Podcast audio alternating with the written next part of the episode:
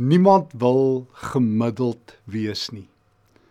Miskien het jy ook al die uitdrukking gehoor die gemiddelde persoon op straat. Niemand wil dit regtig wees nie.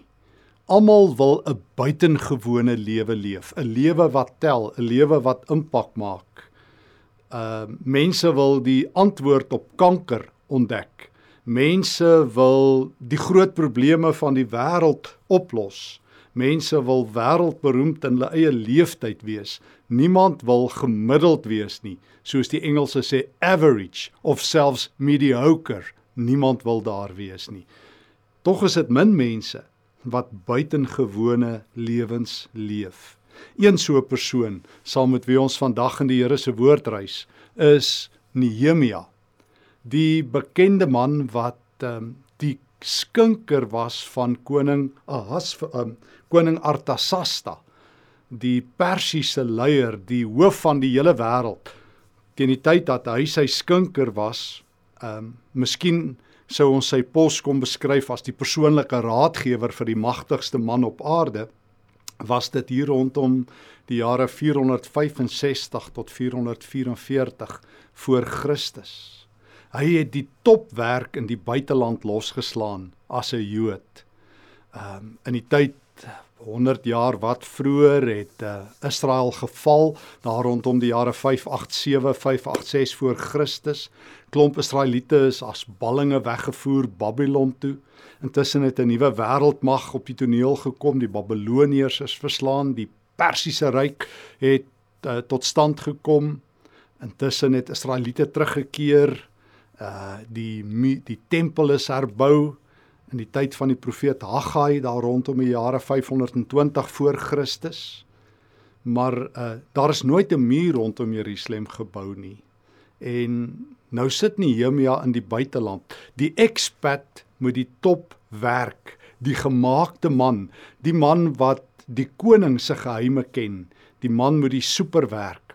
Jy kan net dink hoe lekker het hy gelewe om die wêreld se topleier se vertroueling te wees. Maar dit was nie genoeg nie. Hy het nie 'n gemiddelde lewe geleef nie, maar dit was nie genoeg nie. Dis soos wat die ou kerkvader Augustinus gesê het: God laat so gaping in ons hart wat net hy kan vul.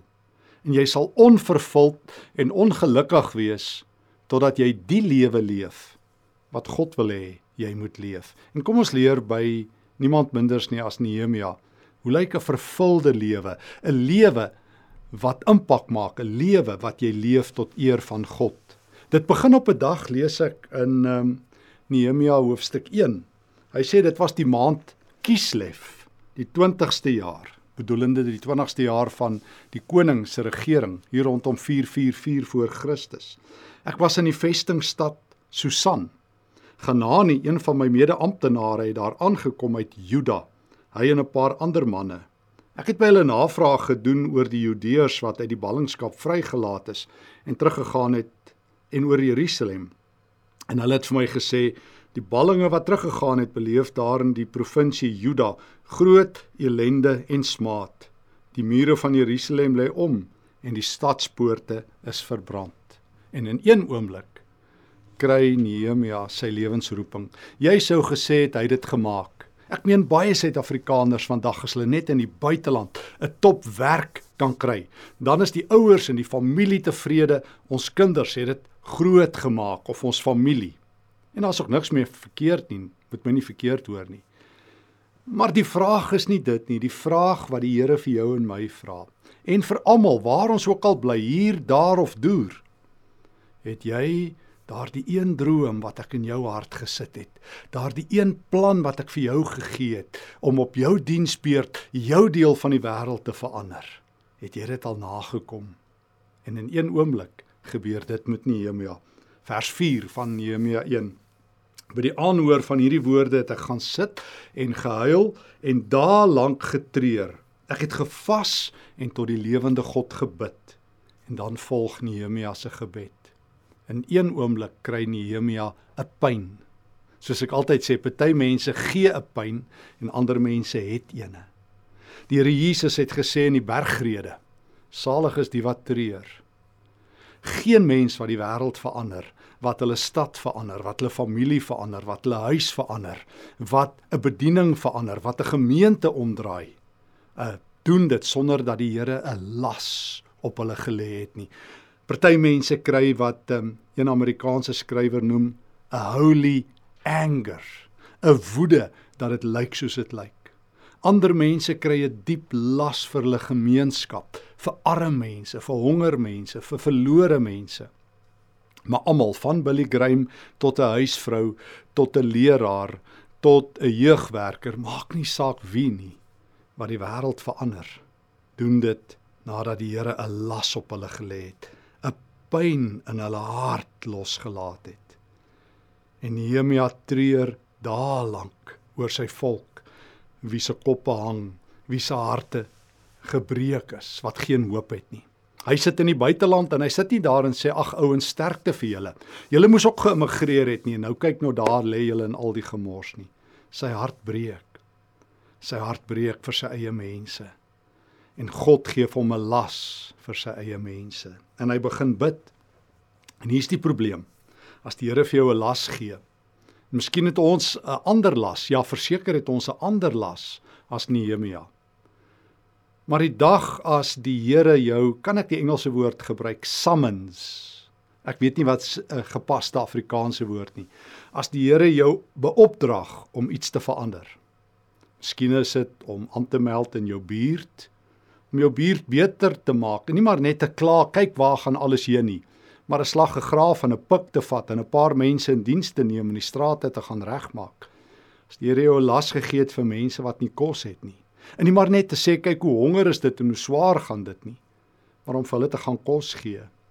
As die Here jou 'n las gegee het om in gemeente betrokke te wees, nie maar net te sê die kerk doen dinge verkeerd nie, maar om aan te meld en te sê hier is ek Here, hier is ek ouens, gebruik my.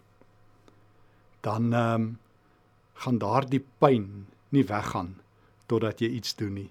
Maar gewoonlik het die Here se mense as hy vir hulle 'n las gee, nie hulpmiddels nie in die wêreld as jy by 'n supermaatskappy werk met baie geld, dan stel jy goue begroting op om een of ander probleem aan te spreek. Jy gooi geld agter dit aan. Jy stuur 'n klomp mense, jy het hulpmiddels, resources. Nie Nehemia nie. Jy verlaat jou op die lewende God. Here, as U my nie help nie, as U hierdie pyn, hierdie las wat U vir my gegee het, hierdie dringendheid wat U in my hart geplaas het, as U dit nie uh, vervul nie, gaan ek lewenslank onvervuld wees. Alle Christene wat die wêreld verander het, 'n dringendheid, 'n pyn en 'n dringendheid om dit uit te voer. Urgency. Nie hurriedness nie. Meeste mense is net hurried, gejaagd. 'n Christen het 'n dringendheid. Here, die tyd loop. Die uurglas loop leeg. Ons het nie tyd nie. Help, Here. En toe gaan sy pyn oor in 'n prentjie as ek net kan teruggaan en die mure rondom my stad in Jerusalem herbou. As ek net my topwerk kan los en die mense 'n muur om hulle stad gee, dan sal hulle hulle koppe optel sodat hulle weer vir God sien, sodat hulle weer sal hoop sien. En daarom lees ek in Nehemia 2 dat die pyn 'n prentjie word en die prentjie 'n plan word. Want dis hoe almal werk wat die wêreld verander vir Christus vandag nog of dit is soos ek gesê het om jou buurt te verander, jou land te verander, jou stad te verander, jou familie te help, ehm um, vir iemand kos te gee, jy het altyd 'n las, 'n pyn, dan sien jy 'n prentjie van hoe dit moet gebeur en dan gee die Here vir jou 'n plan. Dit was in die 20ste die maand Nisan, dit is so rondom Maart April, hoofstuk 2 vers 1. Die 20ste jaar van koning Artasasta. Die wyn was voor hom en ek moes dit optel en aan hom gee. Ek was nooit bedruk voor hom nie. Maar die dag sê die koning vir my: "Hoekom lyk jy dan so bedruk? Is jy siek? Hartseer?" Ek was bang, maar ek het vir die koning gesê: "Mag die koning lank lewe. Hoe sal ek nie bedruk lyk as die stad waar my voorvaders begrawe is in pyn lê en sy poorte verbrand is nie?" Toe sê die koning vir my: "Is daar iets wat jy van my wil vra? Hoor nou." Ek het 'n skietgebed opgestuur na die God van die hemel en toe vir die koning gesê as die koning dit goed vind, as die dienaar op die goedgesindheid mag reken, stuur my na Juda toe, na die stad waar my voorvaders begrawe is sodat ek die stad kan herbou. Jy sien die oomblik as God op pyn vir jou gegee het, maak hy deure oop. Stuur God 'n plan en Nehemia het die buitelyne. Hy weet as hy nie gaan en die mure herbou nie, as hy nie gaan en 'n verskil maak nie, gaan dinge bly soos wat dit bly. Dis die verskil tussen meeste mense op die paviljoen en 'n paar spelers in die Here se span. O, dis maklik om op die kerklike paviljoen te sit en te sê die kerk moet so maak en leiers moet so maak en en en die regering moet so maak en uh, mense op 'n paviljoen het planne vir almal, maar hulle klim nooit af en hulle speel nooit die spel van geloof nie. Maar Nehemia sê ek kan nie, die pyn is te groot. Here, ek meld aan. Hier's in my hande niks. Ek het nie geld nie, ek het nie 'n plan nie. Hoe bou ek 'n muur met niks nie? Maar God sê vertrou my. En Nehemia maak sy probleem God se probleem en God gee die antwoord. En hier is die koning voor hom en hy stuur 'n skietgebed op en die koning sê jou wens is vervul, gaan terug. Ek sal die geld, die voorrade letterlik verskaf, gaan bou jou muur. God gee die uitkoms stukkie vir stukkie ontvou God se plan. Ook vandag nog. As jy 'n droom het om die wêreld anderster te maak en elke Christen moet so 'n droom hê. En elke Christen moet sê, "Wat het ek in my hand?" Moses het in sy hand 'n kierie gehad. Daai klein seentjie wat uh, uiteindelik in Johannes 6 gesorg het dat duisende mense kos het, het twee visse en vyf broodjies in sy hand gehad. Maar gee dit wat jy het, selfs al het jy niks nie soos Nehemia vir die Here en hy sal die droom wat hy in jou hart gesit het, stukkie vir stukkie, tree vir tree, sal hy die droom waarmaak. Tree vir tree bou die Here by wyse van spreuke die vliegtyg terwyl Nehemia alreeds in die lug vlieg. Sy pyn word 'n prentjie en nou word dit 'n plan. Ek lees vanaf 'n pyn tot 'n prentjie tot 'n plan, vers 11. Ek het in Jerusalem aangekom uh hoofstuk 2 vers 11 en nadat ek 3 dae daar was, is ek in die nag stilletjies uit saam met 'n paar mans by my. Ek het vir niemand gesê wat my God uh, my in die hart gegee het om vir Jerusalem te doen nie. Nou lees ek hoe Nehemia as te ware gaan verkenning doen. Sy pyn en die prentjie wat hy sien word nou 'n plan. Hoe gaan ek 'n muur rondom hierdie stad gebou kry? En uiteindelik roep hy dan die leiers bymekaar vers 17 en 16. Hy sê vir hulle in vers 17: "Julle self sien die benarde toestand waarin ons sit. Jerusalem lê in pyn en sy poorte is verbrand. Kom ons herbou die muur van Jerusalem dat die vernedering nie langer op ons rus nie." Ek het hulle toe vertel hoe my God sy goeie hand oor my gehou het en wat die koning gesê het. Hulle het gesê: "Kom ons bou." En hulle het die goeie werk aangepak. Jy sien Nehemia Dis nog 'n ding. Die Here gee vir jou 'n pyn, 'n las, hy gee vir jou 'n prentjie en hy gee vir jou 'n plan. Maar ons is nie lone rangers nie. Ons is nie Ethan Hawke wat alles op ons eie doen nie. Ons is nie Rambo wat self die wêreld, een man, een vrou vertoning wat die wêreld op ons eie moet verander nie. God sê kry ander mense in. En toe hy die visie van die Here deel, toe sê ander ons koop in. Jy sien die wêreld het nie baie mense nodig om dit anders te maak nie, net die regte mense wat hierdie pyn, hierdie las van die Here het en dit kan kommunikeer en dit begin doen. Maar jy moet dit self doen. Jou hande moet self vuil word met dit. Onthou so rukkie terug vertel 'n vrou vir my van haar dogter wat uit die kerk uit is, heeltemal ontnigterd met die kerk. En sy vertel vir my in die gemeente waar haar dogter is, het die uh, leraar vir die gemeente hierdie wonderlike visie gedeel van 'n projek hoe hulle die wêreld hulle eie omgewing kan verander. En hierdie hierdie jong dame was so aangegryp en sy het na die leraar toe gegaan en gesê dit het jou seker al baie geld gekos want hierdie droom is so groot. Hy sê nee, dit het my niks gekos nie. Ek het dit vir julle uitgedink. En sy was so geskok dat 'n leier self nie eers sy eie hande kan vuil maak, selfs nie sy geld kan gebruik wanneer die Here 'n visie gegee het nie. Die kerk is nie daar om vir ander mense werk uit te dink nie, om vir ander mense geleenthede te gee. Die kerk is daar om te sê ek en jy het 'n roeping van die Here. Ek het 'n pyn en 'n prentjie en 'n plan en kom ons bou. En daar spring hulle in en daar begin hulle bou. En uiteindelik is die goeie werk aangepak en ehm um, is God se werk in proses. En en weet julle wat's aangrypend? Lees ek in hoofstuk 3. Nehemia vra nie van mense om meer te doen as wat God van hulle vra nie. Ek lees in Nehemia 3 dat hy nie gesê het vir vyf ouens bou die hele muur nie. Ek lees hoe elke ou die stukkie muur voor sy huis gebou het.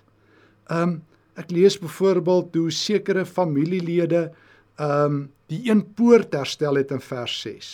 Vers 7 die volgende stuk is herstel deur Melatja van Gibeon. En dan lees ek weer hoe die volgende groep mense die volgende stukkie van die muur gebou het.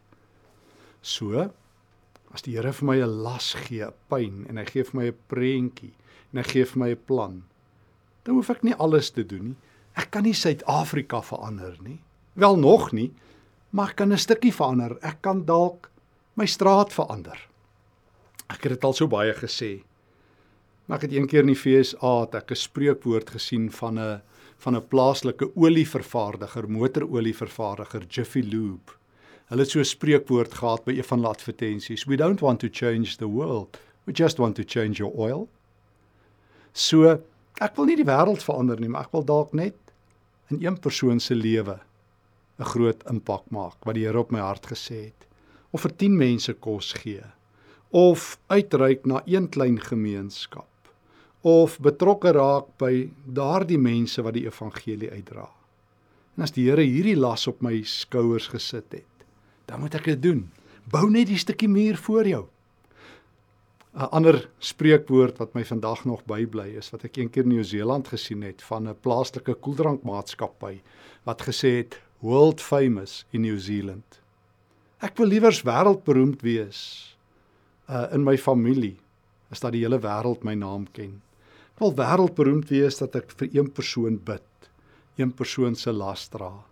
Ek wil liewers wêreldberoemd wees dat ek aangemeld het om tee te maak as die Here my gevra het om sy tea lady te wees of die mens te wees wat mense se hande skud. Ek wil liewers doen waarvoor die Here my geroep het as dat ek elders bekend is. En daarom begin die mense Jerusalem se mure herbou stukkie vir stukkie. Nehemia doen nog iets. Ek sien in hoofstuk 4 van Nehemia dat daar moeilikheid kom, probleme, pyn. Dit begin alles met 'n pyn wat Jeremia het, 'n prentjie, 'n plan en nou is daar probleme. Nog 'n P, probleme. O nee, God se wil loop nie maklik nie. Ek hoor altyd mense sê vir my uh een van die uh, dinge wat mense dikwels gebruik as hulle sê, jy weet, die Here se wil in hulle lewe geskied, dan sê hulle alles het in plek geval. Iemand vertel nou die dag vir my hulle het geëmigreer want alles het in plek geval. Dan vra ek vir hulle, Maar hoekom dink ons alles moet in plek val voordat dit eers God se wil is? Deel van God se wil is probleme, teenstand. Dit kos guts om teen probleme aan te hou doen wat God se wil is. Ek lees in hoofstuk 4 hoe iemand met die naam Sanballat woedend was toe hy hoor Nehemia bou die muur. Hy het met groot ergernis smalend teenoor die Judeërs uitgevaar. En ek lees van plaaslike moeilikheid, hoe die ouens onderling onder mekaar begin beklei het. Uh, geen droom wat die Here vir jou gegee het en wat jy besig is om uit te leef, gaan maklik wees nie. Daar gaan teenstand wees, daar gaan moeilikheid wees, daar gaan teleurstellings wees, daar gaan mislukkings wees, daar gaan konflik wees. Mense gaan beklei, maar een ding wat iemand doen wat die Here se droom het, ons gee nooit op nie. We never give up, we never surrender. Ons gee nooit grond terug nie. Ons gaan vorentoe. En Nehemia het elke probleem gevat, elke konflik en dit hanteer. Nehemia het 6 ratte vorentoe gehad. Hy het nie 'n trirad gehad nie. Vers 5 toe hy hoor van sy volks, hoofstuk 5 toe hy hoor volksgenote word uitgebuit, het hy gaan praat en dit reggestel. Toe hy sien mede-Israeliete kry swaar, het hy met die mense wat hulle verdruk het gaan praat. Hy het nie nonsens gevat nie. Hy het aangehou. Tot op 'n dag so lees ek in hoofstuk 6 vers 15. Die muur is voltooi op die 25ste van die maand Elul binne 52 dae. Want jy sien wanneer die Here vir jou 'n pyn gee en hy gee vir jou 'n prentjie en hy gee vir jou 'n plan en hy stel jou in staat om die probleme te hanteer, dan maak jy klaar. Oop baie mense wil die wêreld verander. As ek vandag vir 300 mense vra, ehm, um, wat is julle plan om die wêreld te verander? Sal ek 500 planne hoor. Maar dit is daai mense wat lake inskop wat 'n holy discontent voel wat sê Here ek kan nie slaap tot ek gedoen het wat U op my hart gelê het om te doen nie. Here ek sal aanhou bou en bou en ek sal mense inspireer totdat die muur staan. Nehemia maak klaar. Hy droom nie net ligkastele nie. Hy sit daardie droom van die Here hier op die grond neer. En daar staan die muur en nou die laaste P. Pyn, prentjie, plan, probleemhanteerder, prys. Ewe skielik. Wanneer jy doen wat God op jou hart gesit het, begin ander mense God prys. It's not about me. Die Here het vir jou en my hier op aarde gesit om ander mense te dien. Paulus sê in 1 Korintiërs 12 vers 7 vir die Korintiërs, die Here het vir julle gawes gegee, charismata tot voordeel van ander mense. Paulus sê in Efesiërs 4 vanaf vers 8 en verder, die Here gee gawes om ander gelowiges op te bou. Die Here gaan eendag vir my vra, wat het ander mense uit jou lewe uitgekry? Nie hoe suksesvol was jy en watter droom het jy self geleef? En hoe het jy jou eie bucket list waargemaak? En wat was die topposisies wat jy gehaal het nie, het jy die pyn wat ek in jou hart gesit het? Die planne wat ek vir jou gegee het, die prentjies wat ek vir jou gegee het, die vaardighede om probleme op te los, het jy dit gedoen? Het ander mense my meer geprys? Ek lees in hoofstuk 8 aangrypend dat die hele volk bymekaar kom. Dat Nehemia vir Esra bring, die priester Esra, hoofstuk 8 vers 3. Hy het toe die wet voor die gemeente gebring, man en vrou, elkeen wat kon verstaan, dit was op die eerste dag van die 7de maand Hy het daaruit voorgeles op die plein voor die waterpoort van ligdag tot die middel van die dag ten aanhore van mans, vrouens en elkeen wat kon verstaan. Die aandag van die hele gemeente was by die wetboek. O, o, wanneer jy God se wil lewe, wanneer jy God se plan uitvoer, is God se woord weer vrylik beskikbaar. Toe Nehemia aan die stad aangekom het, het almal se koppe gehang. Dit was asof hulle gesê het God is nêrens, God is nowhere. Maar wanneer 'n man van die Here, 'n vrou van die Here, 'n jong mens van die Here doen wat God sê, is daar binne maande, binne jare, maak nie saak hoe lank nie, mense wat God se woord hoor. Ewe skielik staan Israel en God se woord is in hulle midde. Ewe skielik lees ek in die volgende hoofstukke vier hulle fees en vas hulle. God het vrye toegang God word verheerlik. Die lig val weer op God. Laat julle goeie werke so sigbaar word sê Jesus in Matteus 5:16 dat die mense julle goeie werke sal sien en God sal verheerlik. Omdat een man van God in die buiteland te pyn gehad het en iets gedoen het aan die las wat die Here vir hom gegee het, verander 'n volk se geskiedenis. En plaas God hierdie boek in die Bybel om vir jou en vir my te sê geen situasie, geen krisis, geen probleem, geen familie, geen kerk, geen besigheid, geen land is so stikkend dat God dit nie kan omkeer nie. God het nie miljoen mense nodig nie. Wonderlik as 'n miljoen opstaan, moet my nie verkeerd hoor nie. Hy het net een Nehemia nodig. Een Nehemia wat 'n las, 'n pyn het en wat daai pyn na die Here toe vat en wat die Here vertrou om vir hom 'n prentjie, 'n visie te gee en 'n plan wat van God afkom, wat ander mense inspireer en te sê, "Hoe kan ons bou? Hoe kan ons 'n verskil maak?" Wat maak dat God weer geprys word? Want ek lees uiteindelik in Nehemia 8 en 9 hoe die volk God prys, hoe God se woord weer vrye toegang het, hoe mense weer die Here ken. Wat sal nie in Suid-Afrika gebeur as jy en ek toelaat dat die Here vir ons 'n pyn, 'n las vir ons land gee. Of daar in die buiteland waar jy is, 'n las gee vir jou straat, jou buurt, jou huis, jou werk, jou community, daar waar jy is nie. Jy kan tog nie geïmmigreer het net vir jou eie veiligheid nie, want dit sal die Here nooit toelaat nie. Hy moes vir jou 'n las gegee het vir daar waar jy is. Mag die Here help Dat hierdie pyne wat ons ervaar prentjies sal word, planne sal word, dat ons plandoeners sal word, dat ons die probleme op ons pad in die naam van die Here sal aandurf sodat nog mense hier in hierdie jaar 2022 God sal prys. Mag jy en ek die mense word wat pyne tot planne tot lofprysing verander oor die Here se woord. Kom ons bid. Dankie Here dat U vir my 'n las gegee het. Help dat ek hierdie las sal uitlewe in U naam. Ek meld aan Here om U te dien. Amen.